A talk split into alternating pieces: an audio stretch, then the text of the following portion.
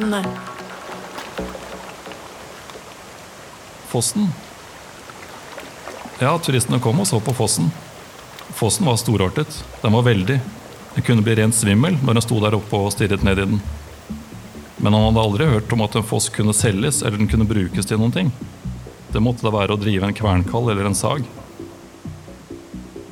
Bonden Samuel i romanen 'Det hvite kull' av Gro Holm, han undrer seg over hva forretningsmannen Våtmyr ser i fossen han eier. Og sånn Samuel står og ser inn i fossen, står trolig flere gårdbrukere i hele landet attmann rundt 1900. For nå er det plutselig rift om det rennende vannet. På 1900-tallet skyter utbygginga av den norske vannkrafta fart. I vannet ligger det krefter som kan gjøres om til elektrisk strøm, som skal muliggjøre ei storstilt industrialisering av landet. Men det er ikke bare nordmenn som ser det hvite kålet i fossen. Og med oss inn i studio for å kikke inn i fossen, for å forstå hva som skjer med fossekrafta tidlig på 1900-tallet, så har vi postdoktor ved Institutt for moderne samfunnshistorie ved NTNU, Andreas Dugstad Sanders. Velkommen til Kraftlandet, og velkommen inn under fossen. Ok, Andreas. Kan du ta oss med tilbake til tidlig 1900-tall i, i, Norge?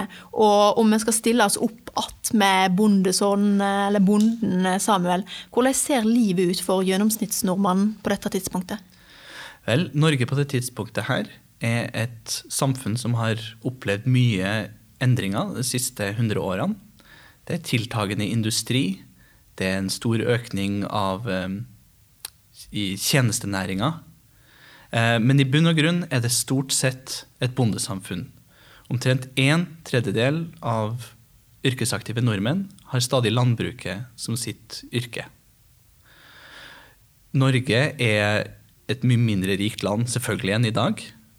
Men også sammenligna med mye av resten av Europa, så er Norge mindre rikt. Det er ikke blant de fattigste, men det er også langt fra det rikeste. Ok, Så det er litt det er små kår, og, og vi står igjen med bonden Samuel og kikker inn i fossen. Hva nytteverdi ser eh, bøndene i fossene? Det kommer litt an på hvor i landet du er. Enkelte steder så er elvene veldig viktig, særlig for tømmerfløting.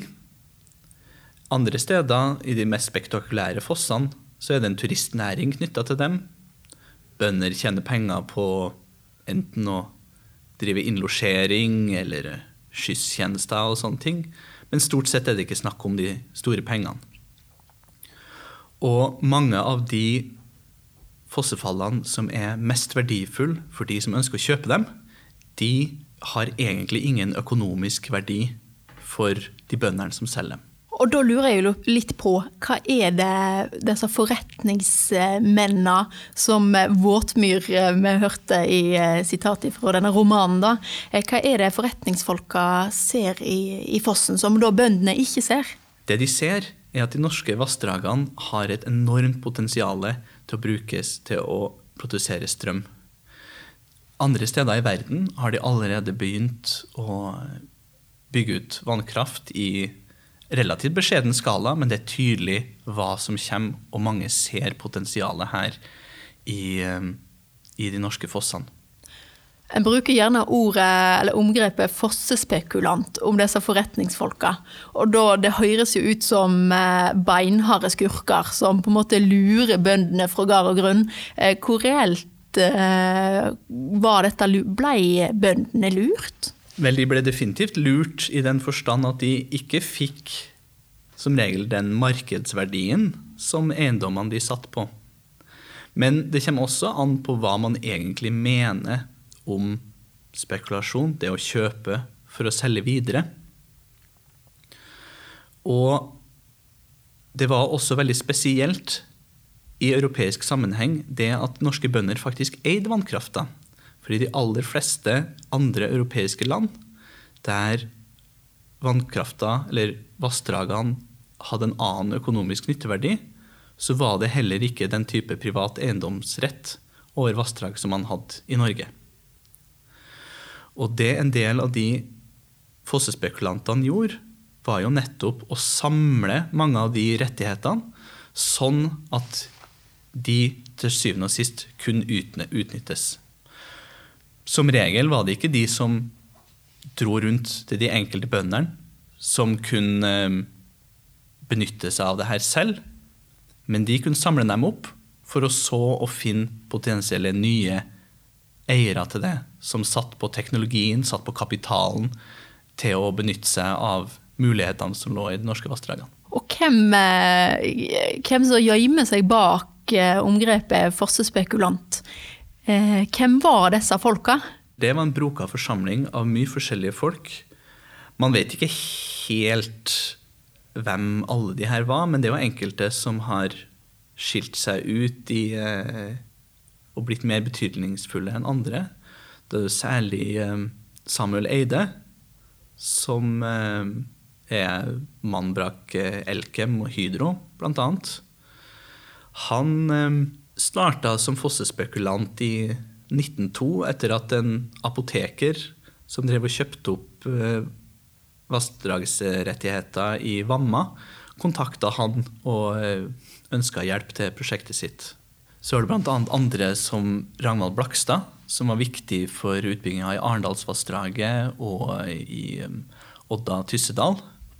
Han starta som eh, trelasthandler i, eh, i Skiensvassdraget og la merke til at folk drev og kjøpte og solgte vassdragsrettigheter der.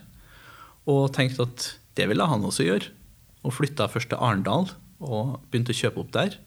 Og så etter hvert i mange andre steder av landet og ble, en, eh, ble til slutt en ganske velbeholden mann. Sant? Og da har vi fossespekulantene som kjøper opp eh, fallretter. Og eh, dette skjer plutselig i et voldsomt tempo, må en vel kunne si. Og det oppstår en litt sånn spesiell situasjon. Vi skriver 1906. Hvordan ser eh, landskapet ut? Vel, de som til slutt kjøper de, de fosserettighetene som blir kjøpt opp av de spekulantene her, de driver og utvikler helt nye former for energiintensiv industri. Det er industrier som karbid, ferrolegeringer, aluminium, nikkel, men i aller høyeste grad produksjon av nitrater, altså nitrogen som man kan bruke til eh, kunstgjødsel. Det var en um, råvare man fant i bare veldig få deler i verden. Og mange frykta på den tidspunktet at man til slutt ville gå tom for det. Så det var et stort kappløp for å finne prosesser for uh, å um, kunne produsere det ut av lufta. Og der var vannkraft, eller elektrisitet, var en veldig viktig ingrediens. Og det var potensielt en industri som nesten kunne vokse inn i himmelen. Bare for å ta sammenligninga med i dag, så bruker man mellom 1 til 2% av, eh, av verdens energiforbruk på å produsere Eh, nitrater. Ok, Så det foregår et voldsomt sånn kappløp eh, for å framstille disse stoffene, eh, der vannkrafta virker til å være liksom eh, Ja, det stort potensial i vannkrafta. Eh, og utenlandske spekulanter kjøper opp norske fosser i stor stil. Og hva, hva tenkte de norske politikerne da? De innser at de har ingen måte å kontrollere den utviklinga her på. Alle de store utbyggingene, alle den store nye industrien, er utenlandsk eid. Selv om det er mange nordmenn involvert der. Det er norske ingeniører, det er norske fossespekulanter, det er norske arbeidere. Men nesten alt det her er utenlandsk eid. Det er de som har teknologien, stort sett. Og selv der teknologien er norsk, sånn som Norsk Hydro, så er pengene svenske og franske. Men var det så farlig, da? Eller er ikke det altså, OK, eh, var det så farlig om det kom noe utenlandsk kapital og på en måte eh, fikk eh, fart på industrialiseringa, egentlig? Det var en del forskjellige ting ved den utviklinga der som norske politikere frykta. Først og fremst så var det frykta for at et stort, utbredt utenlandsk eierskap av de viktigste norske naturressursene til syvende og sist kunne føre til tap av norsk uavhengighet. Det er en veldig annen tid enn den vi lever i nå. Norge hadde ikke vært uavhengig som stat et år engang. Og veldig mange så med frykt på det som skjedde i andre land som hadde vært uavhengig. Det store eksempelet var boerkrigen, som bare hadde skjedd noen år tidligere. Der de uavhengige hvite republikkene i Sør-Afrika hadde blitt tatt over av eh, britene. Der britene først hadde hatt kontroll over de rike gullgruvene, og som da hadde ført til konfliktene som også igjen førte tap av uavhengigheten. Så var det andre ting, rett og slett økonomiske. Var ikke det rettferdig at nordmenn skulle nyte best av eh, de norske naturressursene? Dette knytta seg også til et spørsmål om monopolisering av vannkrafta. Kunne man risikere at det var et utenlandsk kartell som eide all den norske vannkrafta og tok den prisen de eh, selv følte for godt? Hva ville da skje med norske forbrukere? Norge var avhengig av å importere kull fra utlandet. Vi hadde ikke noe kull selv. Kunne ikke vannkrafta være med på å frigjøre norske husholdninger fra kullavhengigheten? Det var også mye usikkerhet i den tida om hvor mye potensialet det faktisk var i norsk vannkraft.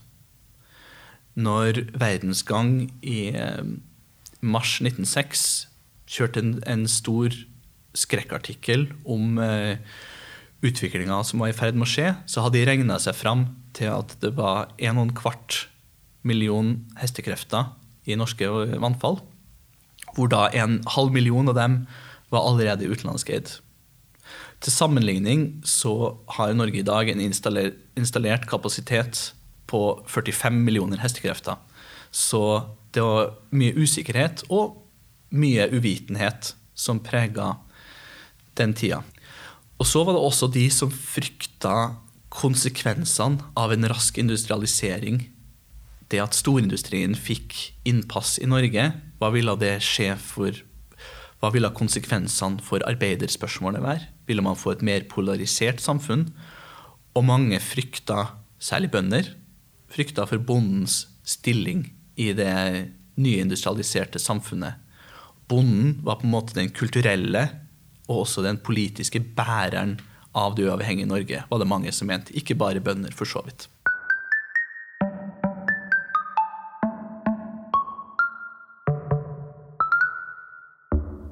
Ok, Da hører vi jo av ulike årsaker så er de norske politikerne veldig redde for den utviklinga de ser. Men hva virkemidler tar de i bruk for å på en måte, ok, hvordan stopper de dette? Det de gjør, er at den 3. april 1906 så vedtar Stortinget for lukka dører en eh, lov som tilsier at alle fremtidige oppkjøp av norske vassdragsrettigheter er avhengig av en konsesjon fra den norske regjeringa. Hva betyr konsesjon? Konsesjon betyr i praksis tillatelse, ja. en lisens. Ok, Men da, da, høres det ut som de har fått kontroll på, på det? Kunne de da hvile? Det var egentlig bare begynnelsen av eh, utfordringene. For når de da hadde etablert den rettigheten til å si OK, alle som kjøper opp alle private selskap som kjøper opp vassdragsrettigheter, må ha en konsesjon fra, fra regjeringa. Og da var det store spørsmålet hva skal man egentlig bruke den rettigheten til? Skal man si nei til utlendinger? Skal man eh, bare la det skure og bruke det bare i unntakstilfeller?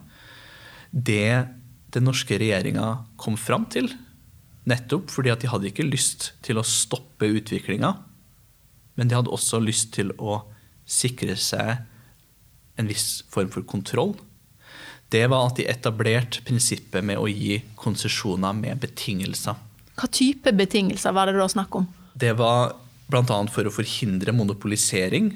Så la de inn et krav om at så og så mye av krafta som ble produsert, måtte gjøres tilgjengelig for den lokale kommunen til en, eh, en viss pris.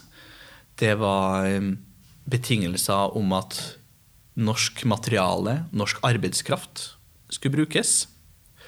Og det kanskje viktigste av alle var prinsippet om hjemfallsretten. Og det er jo et ord en eh, Høyre blir tatt i bruk når en snakker om norsk vannkraftpolitikk. Men hva betyr egentlig heimfall? Vel, det det betyr, er at når konsesjonstiden er over, det var typisk et sted mellom 60 til 80 år, så skulle den norske staten ta over kraftverket og ta over eiendommene eh, uten kompensasjon. På den måten så tenkte man vi kan sikre hurtig utbygging nå, men nasjonal kontroll på lang sikt. Så de var ganske framsynte, disse politikerne altså? Ja, på mange måter var de det. Det var ikke et prinsipp som for så vidt ble funnet opp i Norge. Det var en Hjemfall hadde man bl.a. i, eh, i Sveits, som var en viktig inspirasjon for Norge på det punktet her. Den store forskjellen i Sveits var at mye av vassdragene var i utgangspunktet offentlig eid. Så der var det mer riktig å snakke om hjemfall. Det er fort tilbake til den opprinnelige eieren. Mens i Norge så falt det tilbake til den norske staten snarere enn til de bøndene som hadde eid det før det ble kjøpt opp. Da. Og det var et radikalt prinsipp, nettopp fordi at man tok et eller annet som har vært anerkjent som privat eiendom, og innført et prinsipp om at hvis man faktisk skal bruke den økonomiske verdien av det, så vil det til slutt bli offentlig eiendom.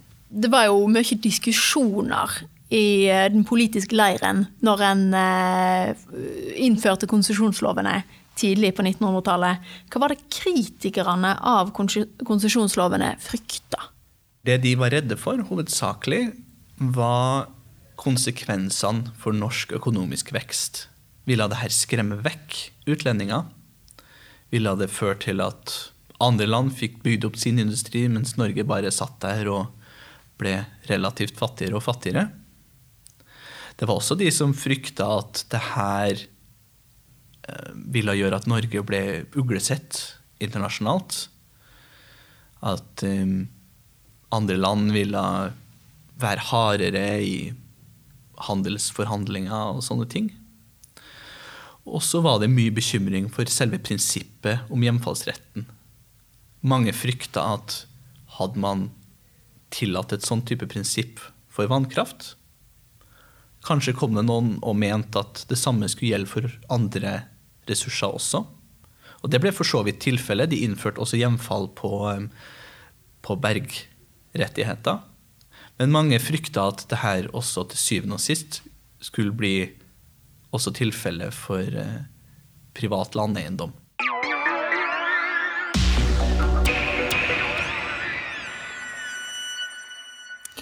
Jeg har lyst til å snakke litt om Sverige og hvordan de organiserte seg der.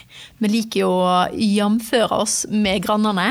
Eh, for i Sverige så har de vel ført en litt annen, en litt annen linje i hvordan de har forvalta vassressursene sine. Hva de har gjort i Sverige?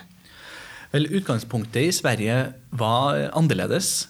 Der man i Norge hadde utstrakt eiendomsrett til vassdrag, så hadde den svenske staten sterkere rettigheter i svenske vassdrag. Den svenske vannkraften var også vanskeligere, mer kostbar å utnytte, og de hadde heller ikke tilgang til den isfrie kysten som man hadde i Norge, selv på Vestlandet. Ehm, og alt det her gjorde at svensk vannkraft ble ikke så ettertrakta internasjonalt som den norske.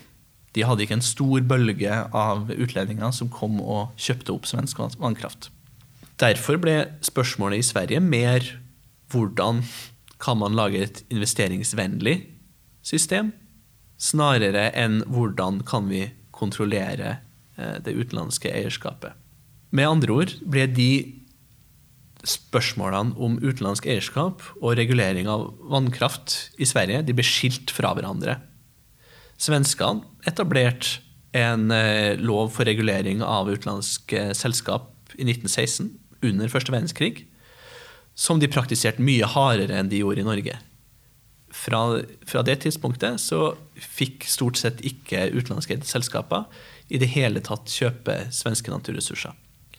Samtidig så etablerte de en ny lov for vannkraft, der de istedenfor å lage et konsesjonssystem som vi hadde i Norge, som særlig den svenske venstresida ønska, med hjemfall og med skatter, med sterk politisk bestemmelsesrett over, eh, over utviklinga, så laga de et domstolssystem i Sverige. Istedenfor at det var politikere i regjering, i storting, som skulle ta avgjørelsene, så hadde de domstoler som var sammensatt av jurister, eh, tekniske eksperter osv., som skulle føre en forutsigbar og i deres øyne rettferdig politikk. Norsk vannkraftpolitikk har vært tett kobla til distriktspolitikk og til industripolitikk. For eh, med innføring av heimfall så var det jo noen som fikk, eh, fikk fordeler. Hvem var det? Vel, det var de store fordelene var det offentlige. Staten fikk jo hjemfallsrettighetene. Så når eh, en konsesjon utløp, så gikk det til staten. Samtidig som man innførte hjemfallsretten, så var det noen som var unntatt for hjemfallsretten, og det var de kommunale vannkraftverkene. Så de kommunene som har vært vertskap for kraftutnytting, det er jo noen eh, i den klassen som blir eh, En har jo omgrepet kraftkommuner. Og hva legger vi i omgrepet kraftkommune? Vel, det er jo kommuner som har en stor del av sin inntekt fra, fra nærliggende kraftindustri. Det trenger ikke nødvendigvis være at de eier den heller. De har jo spesielle skatter som tilfaller kommunen. Eh, som ble etablert på den, eh, på den tida her. Tror du Kommune-Norge hadde sett ut som det gjør i dag, hvis en ikke hadde hatt eh, konsesjonslovgivning med heimfall, som en har hatt? Det er et godt spørsmål. Um, men um, nettopp det å prøve å lage et kompromiss både mellom statlige interesser, mellom lokale interesser og mellom ønsket om videre utbygging var veldig sentralt i hele utforminga av konsesjonsloven. Og nettopp for å prøve å finne en balansegang mellom alle de forskjellige hensynene som eh, skulle inn her. Eh, for eksempel så eh, var det jo de som mente at den lokale kommunen burde jo ha mer av gevinstene her. Det var de som fikk bakdelene med industrialiseringa. Samtidig så var som regel de lokale kommunene var veldig hardt ute og var negativ til eh, industriutbygging så framt det var i andre kommuner. Mens når det først kom til deres egne kommuner, da fikk gjerne pipa en litt annen lyd. Så kritikerne av det kommunale synspunktet mente jo da at kommunene var for kortsiktige, og de var bare opptatt av seg selv. Så her måtte, måtte, man komme inn, og her måtte staten komme inn og lage en nasjonal politikk. Så det resultatet man har fått, er jo egentlig en, egentlig en kombinasjon da, av de, de synspunktene der, da. Jeg har lyst til å dvele litt ved et omgrep som en ofte tyr til når en skal snakke om norsk vannkraft. En eh, omtaler vannkrafta som det norske arvesølvet. Og hva sier det om, eh, om nordmenns forhold til vannet? Vel, man kan jo tenke på hva begrepet arvesølv Hva betyr egentlig det? Jo, det er noe man har fått av noen. Det er noen ting man skal forvalte, man skal bevare. Sånn at man har mulighet til å gi det videre til eh, neste generasjon. Og sånn sett blir det på en måte en evigvarende ressurs, en evigvarende trygghet. Riktignok, arvesølv skal jo mest ligge i en skuff og ikke brukes så mye. Men eh, det sier noen ting om forståelsen av vannkraftressursene som noe som skal vare, og noe, man har arva fra noen, og noe man skal gi videre til noen. Og i eh, et eh, ofte ganske oppheta debattklima, så eh, når en snakker om kraftpolitikk, så sant, i dag så inngår jo norsk vannkraft i en europeisk kraftmarked, og kraft kan selges. til en pris, og kraft kan eksporteres og importeres, og det hele er jo ganske komplekst. Og kritikerne En roper jo av og til høyt om at en mister kontrollen over den norske vannkrafta. Har vi mistet kontrollen? Ja, det er et godt spørsmål. Eh, og det kommer nok veldig an på hvem du spør. Det er ikke noe tvil om at en sterkere integrering av det norske kraftmarkedet er med på å endre de, det konkurransefortrinnet som billig kraft har gitt til Norge.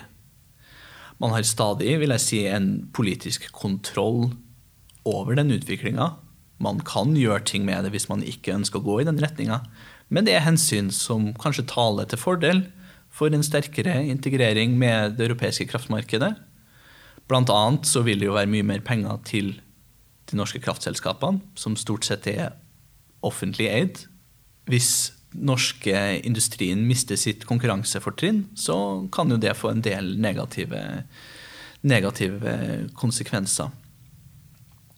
Man har jo hatt en politikk der man i praksis subsidierer norsk industri med, med, med billigstrøm, nettopp fordi at det er større eh, positive effekter i form av arbeidsplasser, i form av investeringer og osv. Og, og da kommer man jo til et veldig interessant spørsmål at hva, hvilken type industri har egentlig sånne positive effekter?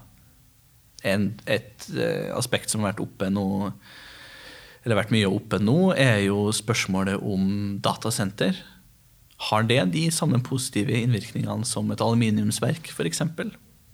Og bør det da få nyte godt av billig strøm, eller er det egentlig eh, Kunne man da like så godt ha solgt det til en uh, tyske forbrukere og tjent mer penger på det?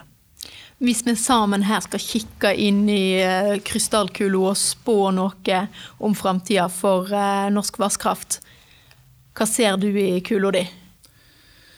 Det er selvfølgelig veldig vanskelig å spå fremtida, men uh, jeg tror at norsk vannkraft vil være veldig viktig for Norge også i tida framover. Um, det er mange som, når norske vannkrafta først ble en viktig ressurs, så var det mange som mente på den tida at dette kunne være et forbigående fenomen. Det ville være en viktig energikilde i 50 år, og så kom det noe nytt som man kunne utnytte, og så ville det ikke ha noe verdi noe mer. Og det har jo vist seg å, å ikke stemme. Og når vi går inn i en, en tid som blir mer basert på fornybare energikilder, så er det ingen fornybare energikilder som er så fleksible og så billig som eh, vannkraft. Vi lar det være siste ordet i denne runden. Tusen takk for at du har besøkt oss her i Kraftlandet, her under fossen. Andreas Dugstad Sanders.